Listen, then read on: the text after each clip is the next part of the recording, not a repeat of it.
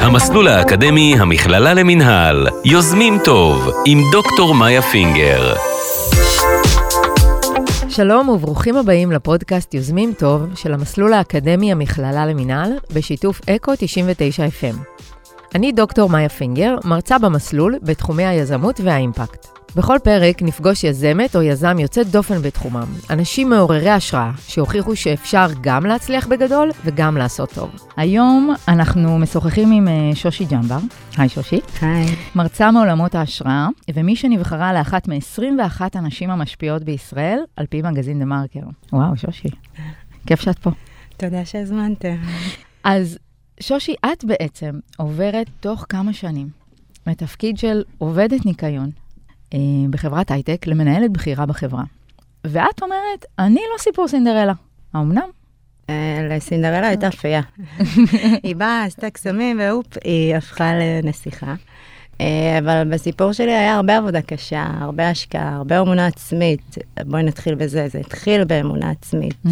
אה, ו- ובאמת דחפתי את עצמי למקום הזה שיאפשר לי להיכנס לתוך הארגון, ומשם להתקדם לתפקיד בכיר. אז בתור מי שבעצם נמצא לא מעט תקרות זכוכית אה, בדרך למקום שבעצם היית וגם שאת נמצאת בו היום, את גם צעירה, גם אישה, לא ממרכז הארץ, אה, מהעדה האתיופית, וגם אימא עצמאית לשני ילדים. איך את עושה את זה? איך בעצם אה, את לוקחת את כל החסמים האלו וגורמת לעצמך להיות נחושה יותר, כמו שאת אומרת? אה, ספציפית במקרה הזה, הסיפור שבו הפכתי ממנקה למנהלת בחברת הייטק, אה, החיים דחקו אותי לפינה שגרמה לי להבין שזה או שאני עכשיו עושה צעד מאוד משמעותי כדי לדאוג לעצמי, לילדים שלי, לעתיד שלהם, או שאני מוותרת ולא עושה כלום ומי יודע מה יהיה. אז באמת לקחתי את עצמי בשתי ידיים והבנתי שאוקיי, צריכה לעשות פה כמה מהלכים. ואני לא רק רגע שורדת את החודש ו- ו- ומשלמת את החשבונות, אלא מתכננת קדימה, כי היה חשוב לי לא לחזור לאותה סיטואציה יותר לעולם. אה, איזו זו... סיטואציה? מה זו אותה סיטואציה? את מדברת עליה ואני רואה בעיניים שלך שזה משהו שמאוד מאוד כואב. אה, כן, בהחלט. אה, בזמנו הייתי עוד נשואה, בדיוק הבת שלי נולדה. והיה לנו מלא מלא חובות. אה, בעלי לא ממש מצא את עצמו, לא מצא עבודה, אז כל העול הכלכלי נפל עליי. אה, וכשיצאתי לחופשת לידה, אני לא אפרט יותר מדי, אבל גם דמי לידה שהייתי אמורה לקבל, לא קיבלתי אותם במלואם.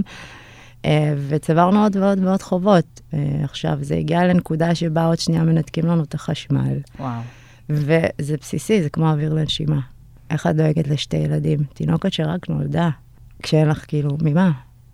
היה ברור שאני חייבת לעשות את המהפך הזה, ואני אוסיף ואומר שגדלתי למשפחה מעוטת יכולת, ההורים שלי היו עולים חדשים, שש ילדים, אימא שהייתה יוצאת לעבודה בבוקר מאוד מוקדם.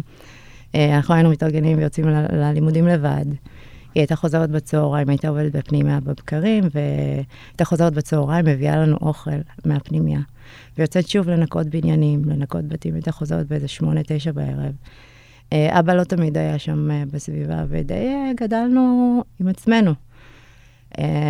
ולא משנה כמה קשה היה וכמה אמא טרחה ועשתה, היא תמיד הלכה ולמדה, אם זה לשפר את העברית, היא אפילו הלכה ללמדה אנגלית, היא הלכה ללמוד קורס לפרות, יבוא וייצור, היא עשתה יותר מ-60 שיעורי נהיגה, 12 וואו. טסטים, כל כך הרבה דברים שהיא נכשלה בהם, אבל היא לא עצרה. היא, היא המשיכה עד שהיא הצליחה. Uh, ומבחינתי זאת הייתה הדמות בבית, כאילו, לא משנה כמה קשה, אין תירוצים. ממשיכים, ממשיכים עד שמצליחים. Uh, ומבחינתי ידעתי שאוקיי, זה, זה או הכל או כלום, ואין מצב שזה יהיה כלום. יש לי שתי ילדים לדאוג להם. Uh, אז באמת עשיתי את כל מה שיכולתי כדי לכוון למקום שיבטיח את העתיד שלהם. אה, היום אני יכולה להגיד לך מה שבאמת מניע אותי למקומות האלה של לדחוף את עצמי קדימה, זה כשאני מציבה לעצמי מטרות. אם אין לי מטרות, אני מתנוונת. אז, אז בעצם את אומרת, היינו בחובות. לא היה לי בסיס חזק, אם בכלל, אבל כן הייתה לי אימא ש, שהסתכלתי ו, וראיתי שהיא לא עוצרת. ואת בעצם מהמקום הזה אומרת, אני לומדת, אני מתמחה במקצוע חדש לגמרי. מה, מה מדרבן אותך? אז תראי, כשאני הגעתי לעבוד שם, אני בדיעבד הבנתי את כל התהליך שעשיתי, כן? זה לא שמההתחלה תכננתי 1, 2, 3 וככה זה יהיה וככה זה היה, ממש לא. הייתה לי מטרה, זהו. אמרת לעצמך, אני לא חוזרת למקום הזה. נכון. זו המטרה, לשם אני לא חוזרת. נכון, הייתה לי מטרה, והדבר היחידי שהתמקדתי פה כל פעם זה מה הצעד הבא. וכשנכנסתי לחברה והתחלתי ככה לדבר עם אנשים, הבנתי שאוקיי, אני נמצאת בסביבה של אנשים שאולי יוכלו לעזור לי להגיע ליעד. ודיברתי איתם ושיתפתי אותם, ואתה יודע, תמיד יש אמונה תפלה כזאת שלא לספר לאנשים מה השאיפות שלך, או לא לספר לאנשים יותר מדי על עצמך, ועשיתי בדיוק את ההפך. באמת? כן, סיפרתי להם איפה אני נמצאת בחיים, מה הקשיים שלי, מה השאיפות שלי, לאן אני רוצה להגיע.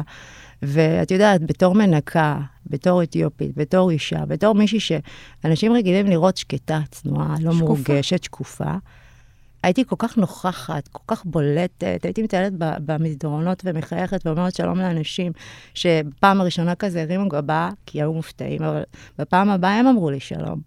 אה, זה הגיע למצב שאפילו המנהל מכירות, שהוא היה האיש הכי עצבני ביקום, היה בא ומחבק אותי, ומה נשמע שושי? זאת אומרת, נורא התחבבתי לאנשים, ו, ובאמת הם רצו לעזור לי. הם ראו משהו אחר, הם ראו, הם ראו הרבה מוטיבציה, אה, ו, והם פשוט עשו הכל כדי אה, לעזור לי, עד ששמעתי באמת על המשרה הזאת, ומשם עשיתי מה שצריך כדי שזה יקרה.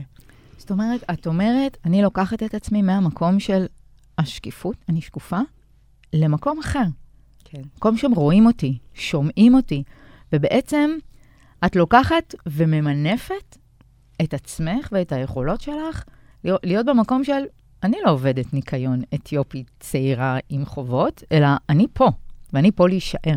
ובהקשר הזה, אני רוצה לשאול אותך, מה, מה, מה לדעתך ראו בך? מה ראו בך שדווקא את, בלי השכלה, בלי אה, ידע מוקדם, אה, בחרו לקחת אותך, או שאולי את בחרת אותם? אני חושבת שזה היה הדדי.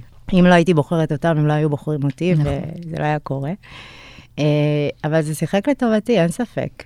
כשאנשים מצפים לראות משהו אחד, והם מקבלים משהו אחר, זה תופס אותם לא מוכנים, וזה גורם להם לרצות עוד. איזשהו אפקט הפתעה, ואת אומרת בדיוק. פה, אף אחד לא ציפה מאתיופית חסרת השכלה שעובדת פה בלילה בניקיון, להיות מנהלת בכירה פה. נכון. ואני וואו. גם אוסיף ואגיד שהיו כאלה ש...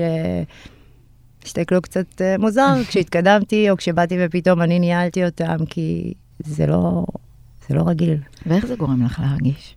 מעולה, ממש טוב. Uh, בעיקר כי אני משנה לאנשים תפיסה. אני חושבת שאני עושה פה שירות לנשים, לאתיופים, למנ... לכל אדם. Uh, אני, כשאני הולכת ומספרת את ההרצאות שלי, באחת מההרצאות שלי שעשיתי לחברה גלובלית, אני מספרת בהרצאה על איזשהו קטע שבו uh, בתהליך רעיונות הלכתי ככה במסדרון, ובמקרה נתקלתי באחד מהמנהלים הבכירים. כאילו דיברנו ו- וכולי, ואז ככה אה, הוא אמר לי, את נשמעת לי בחורה מאוד אינטליגנטית, מה, מה את עושה פה בתפקיד הזה? אז אה, אמרתי לו שהאמת שאני בדיוק עכשיו אה, מנסה להתקבל לחברת הייטק, וככה בקריצה אמרתי לו, אולי אני אעבוד פה. ואז הוא כזה הרים כזה גבה ועשה פרצוף, ומבחינתי ידעתי מה הפרצוף הזה אומר. מה כאילו, הוא אמר? את, את עובדת ניקיון, זה, זה לא ילך זאת אומרת, לקרות." את מספיק אינטליגנטית להיות עובדת ניקיון, אבל את לא בשביל להיות פה עובדת כן. בחברת הייטק. כן, ומבחינתי. מה שאני חשבתי זה שאם זה מה שהוא חושב, כנראה שאני מכוונת בדיוק למקום הכי נכון. ואותו בכיר, שכשהעברתי את ההרצאה, אמר לי, את יודעת מה? הרבה פעמים אני חוטא בתפיסה הזאת שלי בעצמי, ואת עכשיו עשית לי שינוי מאוד מאוד משמעותי באיך שאני רואה אנשים ואיך שאני מתייחס אליהם. אה, וזה נוגע באנשים בכל הדרגות ובכל ההיררכיות. את, אה, זה לא סתם, את בעצם, מה שאת אומרת, את אומרת פה, אה, שושי, משהו מאוד מאוד חזק. את אומרת, אני משנה את התפיסות של אנשים, וכרגע לא משנה באיזה level הם, על טייפקסטים כמוני, וגם אני שמה להם מראה איך הם מת, מתנהלים. במכוון או לא במכוון, זה כרגע לא האישו, אבל... ואת בעצם, לא רק שאת משנה את התפיסות האלו של אנשים, אלא את משנה גם את התפיסות שלך על עצמך. ואת בוראת לך, בעצם בראת לך, איזושהי מציאות חדשה, כמו שרצית. ואני כאילו חושבת עם עצמי, ואני אומרת, מה, מה את חושבת שהמפתח להצלחה שלך בתהליך הזה? הבסיס זה אהבה עצמית וקבלה עצמית. זאת אומרת, הרבה פעמים אנחנו עוברים חוויות במהלך החיים שהופכות אותנו למי שאנחנו, הופכות להיות חלק מהזהות שלנו, והרבה פעמים זה לא באמת נכון ל, לרגע העכשווי, לרגע הנוכחי. זה לא מה שמגדיר אותנו, זה פשוט תהליך שקרה באותו זמן. נכון. זה לא מי שאני. נכון, ואנחנו בהרבה מקומות מכשילים את עצמנו על ידי כך. כי אנחנו מפרשים סיטואציות בצורה לא נכונה, אנחנו נמנעים מלפעול בכיוונים מסוימים שאנחנו רוצים בגלל חששות מהעבר, ואנחנו פשוט סוגרים על עצמנו, אנחנו לא מאפשרים לעצמנו להצליח. אמ, אז... אה, אז מה בעצם עוזר לך להצליח? מה בעצם עוזר לך לצלוח את כל הקשיים, את כל החסמים שאת מתארת פה? הידיעה שמגיע לי. והרבה אנשים לא באמת מודים או מודעים לכך שהם אולי רוצים, אבל הם לא מאמינים שמגיע להם. למה לא? החוויות של החיים, אה, זה משפיע, אין מה לעשות. ועד שאדם לא עושה עם עצמו תהליך של קבלה, לקבל את זה, זה היה, זה קרה, זה כאב, אה, ולהניח את זה איפה שזה, בעבר, ו, ופשוט להתנהל ברגע העכשווי כמו שהוא, אה, בלי איזה שהן תפיסות מהעבר, בלי פרשנויות למיניהן. זאת אומרת, להתייחס לדברים כמו שהם בשטח, אה, ולתת צ'אנס לכל דבר, וגם לעצמנו. אנשים עוברים איזושהי דרך בחיים, וכל המהמורות האלו בדרך, צריך להתייחס אליהן רק כמהמורות. זה לא מגדיר אותנו, זה לא אומר שזה מי שאנחנו, מה שנהיה, אלא זה סיטואציות שאנחנו נתקלים בהן, ובעצם אלה הם הדברים שאנחנו צריכים לעבור בדרך לאני המשופר שלי, נכון. להצלחה שלי, למה שמגיע לי ולמה שאני רוצה שיהיה לי. ופה אני ככה חייבת לשאול אותך, יש איזושהי דמות שעוררה בך השראה בהקשר הזה? אמ, ציינת מקודם את אימא שלך. כן, אימא זה ה-number one. אה, אני יכולה להגיד לך שבצעירותי גדלתי בשכונת שעריה. ופנינה תמנו שטה, שהיא חברת כנסת נכון כן. להיום, זאת מישהי שתמיד כשהייתי רואה אותה בשכונה, תמיד הרצתי אותה. תמיד רציתי להיות כמוה, תמיד ראיתי בה משהו שהוא אחר, משהו שהוא שונה. אה, ו- וזה ממש נתן לי כזה איזשהו משהו לכוון אליו. Uh, מעבר אליה, גם, את יודעת, יש uh, דמויות uh, טלוויזיונית כמו אופרה ווינפרי, שממנה למדתי כל כך הרבה, וכל העקרונות שמלווים אותי במהלך חיי, אה, למדתי ממנה. אני כל יום צורכת השראה באופן קבוע, אה, אם זה ברדיו, אם זה בפודקאסטים, אם זה בספרים. זה, זה האוכל של ש... המוח. שתפי אה, אותנו קצת באיזה פודקאסט או ספר מעניין שככה השפיעו עלייך בהקשר הזה. אני יכולה לדבר רגע על, על מל רובינס, שיש משהו ממנה שמאוד אהבתי ולקחתי לעולם שלי, גם כי זה מתחבר לעולם ההייטק. היא אומרת בעצם שאנחנו המתכנתים של המוח של עצמנו. זאת אומרת, וואו. אנחנו כותבים את הקוד, ומה שקורה בפועל, הפעולות שלנו, איך שאנחנו מתנהלים וכולי, זה המוצר בסוף. עכשיו, הזמן הכי קריטי שבו אנחנו מתכנתים את המוח, זאת אומרת שיש לנו גישה לתת-מודע שלנו, הוא ה-20 דקות האלה לפני שאנחנו נרדמים בלילה. Uh, ובזמן הזה, באופן טבעי, uh, אנחנו מריצים בראש את כל היום שהיה. עכשיו, יש לנו תמיד נטייה, כי יש לנו מוח הישרדותי, הוא תמיד מחפש מה לא בסדר, איך להימנע. אנחנו מריצים את כל הכישלונות שלנו, את הדברים שלא עבדו, ולמה עשיתי ככה, ואיזה דפוק יצאתי שעשיתי את זה, ווואי, איזה חובות יש לי. ואנחנו פשוט מתכנתים את הקוד של המוח שלנו. שקורה... ואז אם אנחנו עושים את זה, זה בעצם יום הבא גורר עוד פעם את אותו, בדיוק. more of the same. המוח שלנו מחפש אישורים mm. לקוד שהחדרנו בו. מרתק. והיא אומרת שכדי לשנות את התוכנה, אנחנו צריכים לפנטז, ממש לפנטז ב-20 דקות האלה על המציאות שהיינו רוצים להגשים בחיים שלנו. עד לכדי רמה של מה אני מרגישה, מה אני לובשת, מה מזג האוויר, איך אני הולכת, איך אני מתלבשת, עד שאת מרגישה את ההתרגשות הזאת ולהירדם עם זה. והמוח שלך למחרת יחפש אישורים לאורך כל היום, לזה שזה מציאותי, שזה המציאות שלך, וזה, את פשוט תגשימי את עצמך בדרך הזאת. כלומר, בעצם לייצר לך את המציאות הזו, לחיות אותה בדמיון, נכון. ואיכשהו הפעולות שלנו, הגוף שלנו, הסביבה, תביא את זה לכדי מציאות אמיתית. נכון, בדיוק. וואו, מרתק, מרתק. מה את מרגישה שצריך להשתנות בעולם התעסוקה הישראלי, ובעולם ההייטק בפרט, כדי לאפשר גיוון והכללה של עובדים ועובדות מרקעים שונים. אמ, אני חושבת, קודם כל, בעולם ההייטק הוא הרבה יותר גמיש, הרבה יותר מאפשר, הרבה יותר פתוח אה, להכלה וגיוון, זה גם הרבה יותר אה, נפוץ עכשיו שפועלים כדי לעשות את השינוי הזה. אה, אני חושבת מהצד שלי שמה שכן צריך לקרות, זה ש... וזה גם משהו שיישמתי בפועל בתהליכי גיוס כשאני עשיתי uh, בחברה, זה רגע לאפשר לאנשים שהם לא בהכרח מגיעים עם הפרופיל המצופה. זאת אומרת, כן, אם יש לו תואר או ניסיון או מה שזה לא יהיה, אה, יכול להיות שהוא בהחלט הרבה יותר רלוונטי למשרה, אולי יהיה אפילו יותר פשוט אה, לנהל אדם כזה. מצד שני, מה שאני עשיתי בתהליך אצלנו זה שאפשרתי לאנשים גם ללא רקע וללא ניסיון, אה, שלא מגיעים מהתחום, והאופן שבו בחנתי את האפשרות, אם הם יתאימו, זה פשוט יצרתי מבחן שיבחן אם הם מסוגלים. אה, ועל ידי כך, קודם כל, אה, בחנתי כמה הם נחושים לקחת את המשרה, כמה הם באמת רוצים אותה. אה, בחנתי גם איך, איך הם באמת מתפקדים ופועלים עם המוצר שלנו, ואם הם באמת יכולים לעשות את העבודה. עכשיו, אם רגע הייתי הולכת לפי הפרופיל הקבוע והמוכר והידוע, אז כן, היו לי עובדים שהם מוצלחים. ואני יכולה להגיד לך שעד היום גייסתי כשלושה עובדים שלא הגיעו מהתחום, ושלושתם התקדמו לתפקידים יותר בכירים בחברה.